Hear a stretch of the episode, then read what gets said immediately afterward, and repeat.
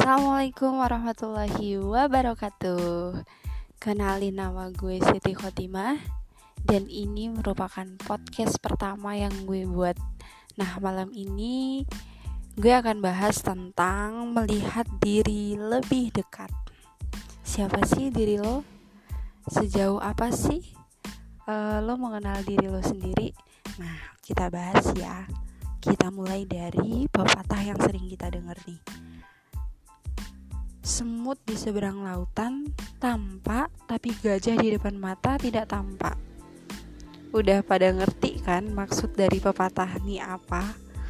Nah, pepatah itu benar-benar menjelaskan tentang karakter manusia yang memang pada dasarnya lebih mampu menangkap, melihat, dan memperhatikan apa yang ada di luar ketimbang yang ada pada dirinya sendiri. Ya enggak sih? Terus hmm, kalau menurut pandangan Islam gimana sih? Apa ada hukum kita menilai orang lain dari atau lebih baiknya menilai diri sendiri dulu? Nah, sebenarnya Al-Qur'an sudah menjelaskan tentang hal itu, guys. Kita lihat lagi deh Quran surat Al-Hujurat ayat ke-11. Yang artinya Wahai orang-orang yang beriman, janganlah suatu kaum mengolok-ngolok kaum yang lain, karena boleh jadi mereka yang diperolok-olokkan lebih baik dari mereka yang mengolok-olok. Dan janganlah pula perempuan-perempuan mengolok-olokkan perempuan lain, karena boleh jadi perempuan yang diperolok-olokkan lebih baik dari perempuan yang mengolok-olokkan. Sini sudah jelas banget berarti kita nggak boleh menilai orang lain tanpa melihat diri kita. Jadi kalau kita bisa-bisanya menilai orang lain bisa jadi orang lain yang kita nilai itu lebih baik ketimbang kita yang menilai. Nah terus tadi ada perempuannya nih. Allah pertegas lagi dengan perempuan. Janganlah perempuan mengolok-olokkan perempuan lainnya Sungguh Allah itu maha tahu guys. Ternyata kita perempuan lebih diperhatikan. Hal yang seperti itu aja Allah sudah mengingatkan. Nah secara tidak langsung Ayat itu mengajak para kita wanita itu untuk beriman dan meneropong diri sendiri terlebih dahulu. Tahu dulu kualitas diri yang sebenarnya Dan gak cepat merasa lebih baik dari orang lain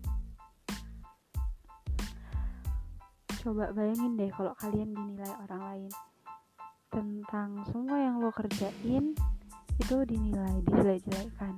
Bete nggak sih? Bete kan? Nah, kalau kita mau jadi orang yang keberadaannya dirindukan, yang kata-katanya ditunggu, dan sikapnya diteladani, harusnya kita nggak cepat untuk menilai orang lain, tapi kita introspeksi dulu apa yang ada di dalam diri kita.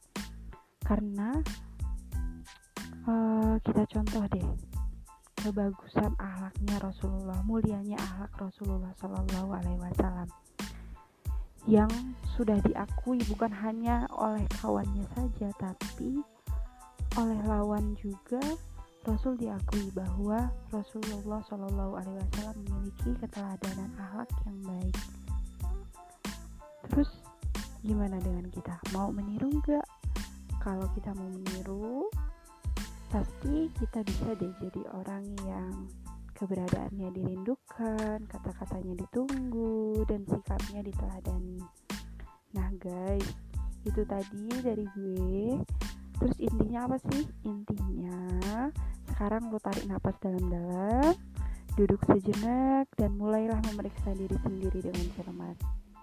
Jika perlu dengan kaca pembesar, biar tahu sebenarnya yang ada di dalam diri lo tuh apa sih, yang kayak mana, yang mana yang harus diperbaiki, dan yang mana yang harus dikurangi. Oke, sekian dari gue. Sampai jumpa di podcast selanjutnya. Bye. Wassalamualaikum warahmatullahi wabarakatuh.